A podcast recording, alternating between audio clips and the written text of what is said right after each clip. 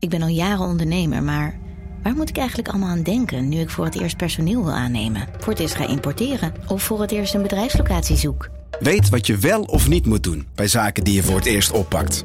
Check kvk.nl voor praktische stappenplannen. KVK, hou vast voor ondernemers.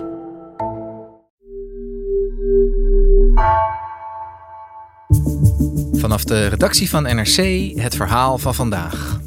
Mijn naam is Egbert Kalsen.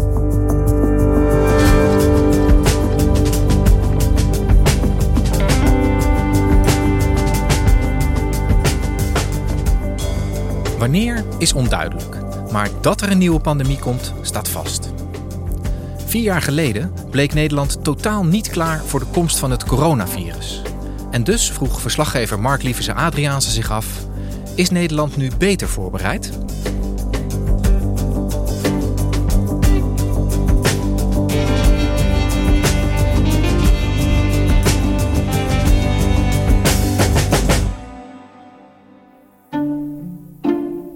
Deze week vier jaar geleden dat de eerste coronapatiënt in Nederland werd gemeld. En dat gebeurde toen uh, vrij toevallig tijdens een speciale uitzending van de NOS over het coronavirus. Mustafa, dankjewel. Goed, en terwijl wij met Mustafa praten, meneer Bruins, krijgt u een briefje in uw handen geduwd? Ja, er wordt uh, mij bevestigd dat er een uh, patiënt is met het coronavirus in Nederland. Het zou gaan om een man. Die verblijft in isolatie in het Twee ziekenhuis in Tilburg. En op dat moment was er nog heel veel onduidelijk over corona. Heel veel onzeker over corona.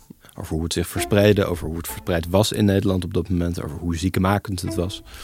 En toch was de communicatie vanuit de overheid, vanuit het Outbreak Management Team, vanuit Jaap van Dissel heel stellig. We hebben in Nederland een uh, goed georganiseerde infectieziektebestrijding. Die is ook geoefend. In feite liggen er draaiboeken voor dit soort uh, gevallen. De conclusie van het OMT is dat er momenteel geen reden is tot een dwingende plicht tot het dragen van niet-medische mondkapjes. Maar we weten allemaal hoe het daarnaast gegaan. Een paar weken later zat Nederland in lockdown. Corona bleek veel breder al verspreid in Nederland dan het idee was. En gaandeweg bleek daar ook wel uit dat Nederland eigenlijk niet goed voorbereid was geweest op een pandemie van deze omvang. Goedemorgen. Nederland was niet goed voorbereid op de coronacrisis. Dat zegt de Onderzoeksraad voor Veiligheid. Laten we even kijken naar de belangrijkste conclusies. Er was geen landelijk draaiboek voor de pandemie. Kabinet en adviseurs werkten niet op een goede manier samen. Verder was er te weinig oog voor de maatschappelijke effecten van de coronamaatregelen, zoals eenzaamheid en leerachterstanden. En in de verpleeghuizen vertrok zich volgens de Raad een stille ramp. En eigenlijk al tijdens de coronacrisis, maar zeker ook daarna en zeker ook toen die OVV-rapporten er lagen, werd heel veel gezegd, ook vanuit de politiek, vanuit de zorg. We moeten van deze crisis gaan leren. We moeten beter voorbereid gaan zijn op een toekomstige pandemie. Want ook al is niet duidelijk wanneer precies en in welke omvang en hoe zo'n virus er dan precies uit zal zien. Er zullen nieuwe pandemieën komen. En eigenlijk van, vanuit die interesse zijn Oscar Vermeer, collega op Daagse Redactie, en ik op zoek gegaan naar een antwoord op de vraag: hoe goed is Nederland nu eigenlijk voorbereid op een nieuwe pandemie?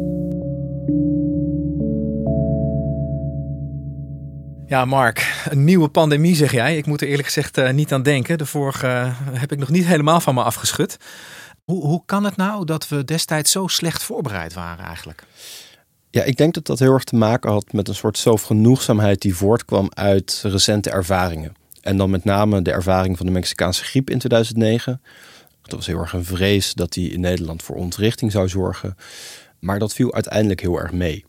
De verspreiding ging vrij langzaam. De infectie verliep bij de mensen die wel ziek werden toch ook vrij mild. In Nederland zijn er uiteindelijk officieel 60 mensen aan overleden. Nou, dat is voor een pandemie niet zoveel, gelukkig. Maar dat heeft wel het idee ontwikkeld dat Nederland het eigenlijk allemaal wel goed voor elkaar had. En ook het idee ontwikkeld dat een toekomstige pandemie waarschijnlijk heel erg zou lijken op zo'n Mexicaanse grieppandemie. Eh, ik weet dat er in 2020 GGD'en waren die wel wat scenario's hadden gemaakt. En daarbij was dan een, een grote virusuitbraak, 20 besmettingen per dag. Ja, dat is peanuts vergeleken met wat het uiteindelijk was. En dat zag je eigenlijk ook in ziekenhuizen. Ziekenhuizen hadden wel eh, draaiboeken voor allerlei dingen, maar niet voor een pandemie die eigenlijk niet binnen je huidige bezetting past of binnen je huidige voorbereiding. En dat soort lessen zijn heel belangrijk om te trekken, denk ik.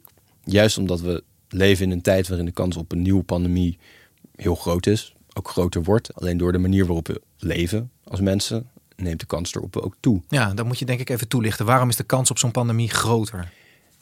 Omdat wij als mensen steeds meer contact met elkaar hebben. We reizen meer. Ik denk dat er niet heel veel Nederlanders waren die in januari 2020 Wuhan op de kaart van China wisten aan te wijzen. Of überhaupt van het bestaan van die stad wisten. Maar het was een miljoenenstad die meerdere directe vluchten per week naar Europa had. We leven ook dichter bij zieke dieren. En dat zit niet alleen op die Chinese markten, ook in, in Europa de omgang. Bijvoorbeeld in slachthuizen, de omgang met, met dode varkens is een risico. Daar kunnen virussen overspringen op mensen. Um, er is verstedelijking. Mensen gaan steeds dichter bij elkaar wonen in steden, waardoor ziekten ook makkelijker tussen mensen kunnen overspringen. Maar het komt ook door klimaatverandering. Het wordt warmer, wat betekent dat bepaalde muggensoorten of tekensoorten die eigenlijk niet in Europa voorkwamen, nu wel in Europa beginnen voor te komen. Nou, die kunnen virussen met zich meenemen. Je ziet nu bijvoorbeeld in Frankrijk dat daar een virus opduikt in het zuiden van Frankrijk. Het Krim-Congo-virus, dat komt voort uit bepaalde teken. Die teken waren tien jaar geleden eigenlijk niet in Europa. En nu zijn ze er wel. Dat zijn allemaal losse puzzelstukjes, zei Jean-Luc Murk, een van de, de experts die wij hebben gesproken voor dit stuk. Maar door klimaatverandering kunnen die puzzelstukjes ineens samenvallen en kan er een nieuw virus overspringen op mensen. Ja, dus dat vergroot inderdaad de kans op weer een, een, een nieuwe COVID-achtige situatie. Ja, of van een totaal ander virus. Want dat is natuurlijk het interessante en ook het ingewikkelde. Een nieuwe pandemie hoeft helemaal niet te lijken op de coronapandemie. Het zou een totaal ander virus kunnen zijn. We weten eigenlijk niks over zo'n nieuw virus. Maar je moet wel nadenken over uh, hoe je omgaat met die onzekerheid, hoe je omgaat met die risico's, hoe je ook voorbereidt op ja, denkbare, maar ook minder voorstelbare virusuitbraken. En bij mij is die gedachte heel erg blijven hangen uit, uit dit onderzoek. Dat we kunnen een soort voorspelbaarheid eisen van de wereld. Maar die is er eigenlijk niet. En dat maakt het in de voorbereiding op zo'n pandemie ook wel ingewikkelder. Want jullie zijn gaan kijken op welke manier Nederland lessen heeft getrokken uit corona en wat er gedaan is om ons beter voor te bereiden op een volgende pandemie. wat hebben jullie ontdekt? Uh, ja, we hebben heel veel verschillende mensen gesproken. Uit de zorg, uit het bestuur, uit politiek, uit ja, het gebied daartussen. En één uitspraak van epidemioloog Alma Tosman, die vatte denk ik goed samen dat je het uitbreken van een nieuwe pandemie niet kan voorkomen, maar met goede voorbereiding wel invloed hebt op de omvang ervan.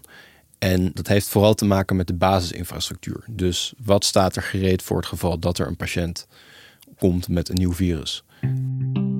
En dat, dat ziet er bijvoorbeeld zo uit dat als een patiënt buiten het griepseizoen met griepsymptomen naar een ziekenhuis gaat, dat artsen daar de vraag stellen of die persoon met dode vogels in contact is geweest. Omdat dat een um, ja, eerste bewijs zou kunnen zijn dat bijvoorbeeld de vogelgriep is overgesprongen op mensen. Wat de start zou kunnen zijn van een nieuwe pandemie. Dus het zit in die waakzaamheid. En vervolgens zit het er ook in dat een ziekenhuis dan mensen moet kunnen testen op een nieuw virus.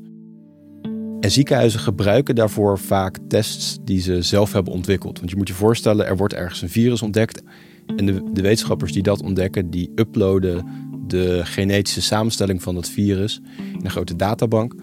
Ziekenhuizen halen dat uh, virusgenoom eruit en knutselen dan eigenlijk zelf een test waarmee ze zelf patiënten kunnen gaan testen. Dat is tijdens COVID ook heel veel gebeurd. De eerste uh, IC-patiënt in Nederland bijvoorbeeld werd ontdekt door een ziekenhuis die die vrouw ging testen. En dat konden ze omdat ze zelf die test hadden gemaakt. Dus Nederland had al heel snel goede ziekenhuistests dankzij deze manier van werken. Maar ja, nu kwamen we er eigenlijk tijdens ons onderzoek achter dat er nu nieuwe Europese regels zijn die dat heel erg bemoeilijken. Uh, dat zijn regels die hele hoge kwaliteitseisen stellen aan tests.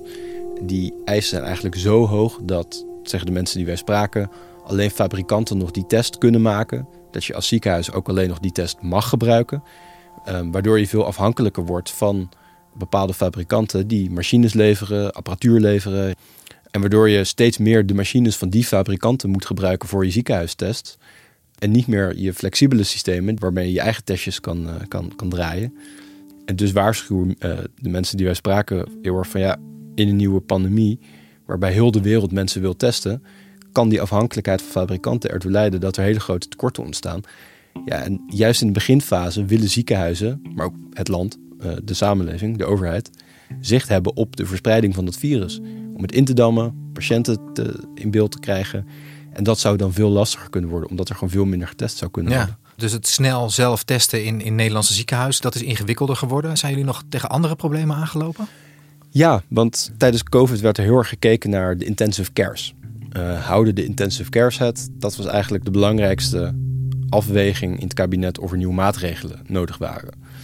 En al vrij snel kwamen wij erachter dat die capaciteit veel kleiner is geworden dan tijdens corona.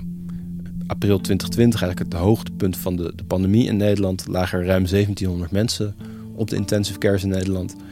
Er zijn normaal gesproken niet 1700 IC-bedden, maar dat kon enorm opgeschaald worden. En nu zouden er, als alles gestretched wordt, maximaal 1135 bedden beschikbaar zijn. Dus we zijn echt een paar honderd bedden eh, achteruit gegaan op de IC ten opzichte van het hoogtepunt van corona. Hoe kan dat dan?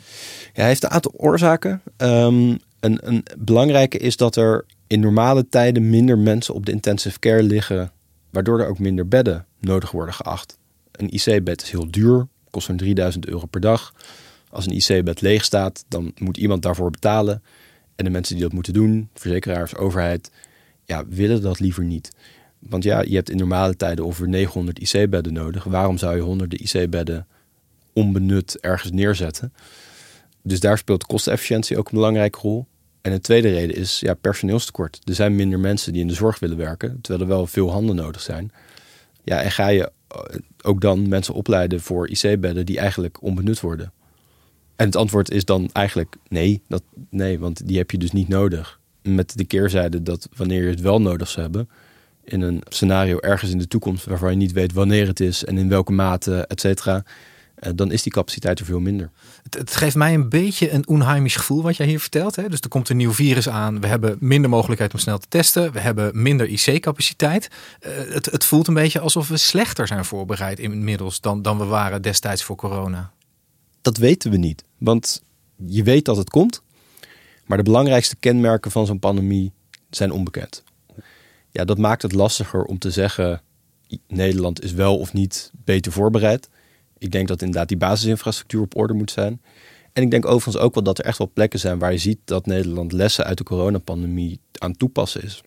Er wordt jaarlijks 300 miljoen structureel geïnvesteerd in het versterken van wat dan pandemische paraatheid heet. Ehm, dat geld wordt verdeeld over allerlei dingen. Het zit voor een deel bijvoorbeeld in het bouwen van ICT-systemen.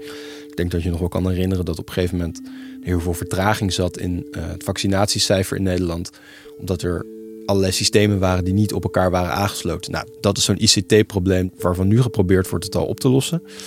Um, het zit in uh, geld voor onderzoek. Het zit in geld voor de GGD's, zodat zij hun teams kunnen versterken. Moeten het wel mensen zijn die solliciteren op die, op die vacatures. Um, dus daar is wel op allerlei plekken, um, zeker in de zorg, wordt daarin geïnvesteerd. En dat geld is ook terechtgekomen bijvoorbeeld bij het LFI, de Landelijke Functie Opschaling Infectieziektebestrijding. Dat is een, eh, een club die uh, bij het RIVM zit. Daar werken bijvoorbeeld eventplanners, mensen uit de logistiek, heel weinig mensen met een medische achtergrond, maar wel mensen die ja, kennis hebben over het, het bouwen van logistieke systemen. En dat is best een interessante plek, omdat daar geprobeerd wordt een van de grote problemen van de coronacrisis op te lossen, namelijk de moeite die er was met het opschalen van bijvoorbeeld teststraten, vaccinatiestraten. Ehm, dus zij denken nu al heel erg na over hoe zou je dat bij een volgende pandemie inrichten. De man die ik daar sprak, die zei: eh, Je weet niet hoe die pandemie eruit ziet, wat voor virus het is. Dus misschien is het een virus waarbij je locaties nodig hebt die heel ver buiten de bewoonde wereld liggen. Maar misschien wil je het ook ja, in gymzalen doen. En misschien kan het niet in gymzalen, omdat de samenleving gewoon doordraait. Want er is geen lockdown bij zo'n virus. Nou, wat, wat zouden dan andere locaties kunnen zijn? Dus zij denken heel erg op een praktisch niveau na over ja, dit soort logistieke vragen. Waarbij ze ook heel erg denken ja, met scenario's. Dus wat zijn scenario's voor virusuitbraken? En nou, dan is dus weer de vervolgstap. Wat heb je ongeacht het type virus altijd nodig bij zo'n nieuwe pandemie? Nou, daar proberen zij inzicht in te krijgen. Ja, en zie je dat scenario denken ook nog op andere plekken terug als het gaat over een nieuwe pandemie? Bij het RIVM wordt daar wel aan gewerkt. Daar worden allerlei scenario's uitgedacht. Um, maar dat gaat wel vooral om medische scenario's. dus we proberen bijvoorbeeld in kaart te brengen hoe, hoe zou zo'n virus zich verspreiden, wat zou dat dan betekenen.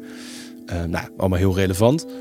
Maar de Tweede Kamer zegt ook dat er ook scenario's moeten komen die rekening houden met, en ik citeer, grondrechten, maatschappelijke, financieel-economische en andere gezondheidsbelangen. Ja, en daar zie je denk ik ook weer heel erg het verlangen naar een soort zekerheid in. Ja, en een terugkerend thema is denk ik ook dat heel veel van die scenario-denkers zich misschien toch best wel veel baseren op, op de vorige crisis, hè, op de vorige pandemie. Is dat nou iets wat jullie ook zijn tegengekomen? Dat ze vooral bezig zijn met de vorige oorlog in plaats van de volgende oorlog? Ik denk dat je altijd een verschil moet maken tussen mensen uit de zorg en epidemiologen en ziekenhuisbestuurders en, en arts-microbiologen die heel erg doordrongen zijn van de risico's, van ook de onzekerheden. En anderzijds de zekerheid die overheid, politiek, maar zeker ook de maatschappij vragen. Dus ook eh, kan je scenario's maken voor zulke pandemieën waarin je eigenlijk van A tot en met Z beschrijft wat je wanneer nodig zou moeten hebben.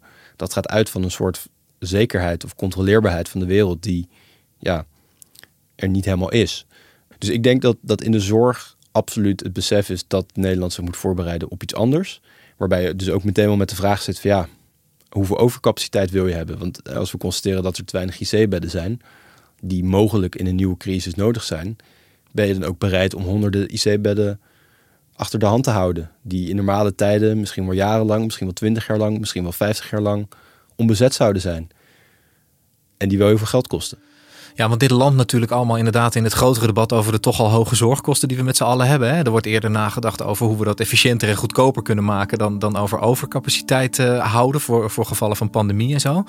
Uh, als je die mensen allemaal hebt gesproken, hè, Oscar en jij, uh, moeten we dan optimistisch of, of pessimistisch zijn over de pandemieparaatheid van Nederland? Ja, ik, dat vind ik heel lastig te beantwoorden. Simpelweg omdat we niet weten hoe zo'n nieuwe pandemie er precies uitziet. En die onzekerheid is, is vreselijk. En juist de omgang met die onzekerheid maakt het heel moeilijk om te zeggen: we moeten optimistisch, pessimistisch zijn. We zijn wel of niet goed voorbereid. Ik denk dat er een basisinfrastructuur kan zijn waarvan je zou kunnen concluderen dat je wel of niet goed voorbereid bent. Nou, daar zie je met de testen dus echt wel een, een, een risico. Ik denk dat de waakzaamheid in de zorg wel heel groot is. Ik denk dat de waakzaamheid bij de politiek de afgelopen jaren ook groot was. Er is geld bijgekomen. Vraag is, houdt die stand?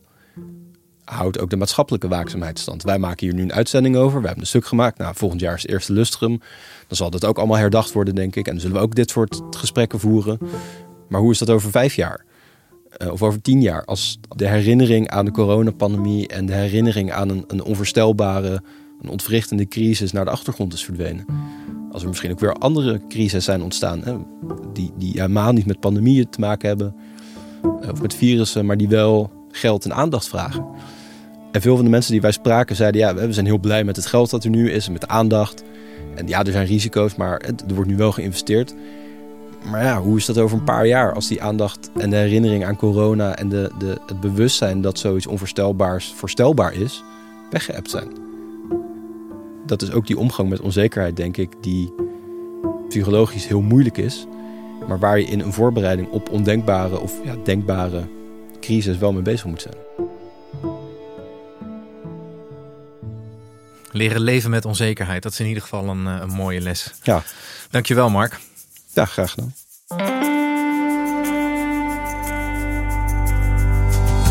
Je luisterde naar vandaag, een podcast van NRC. Eén verhaal, elke dag. Deze aflevering werd gemaakt door Mila Marie Bleeksma en Ruben Pest. Coördinatie Henk Ruigrok van der Werven. Dit was vandaag. Morgen weer.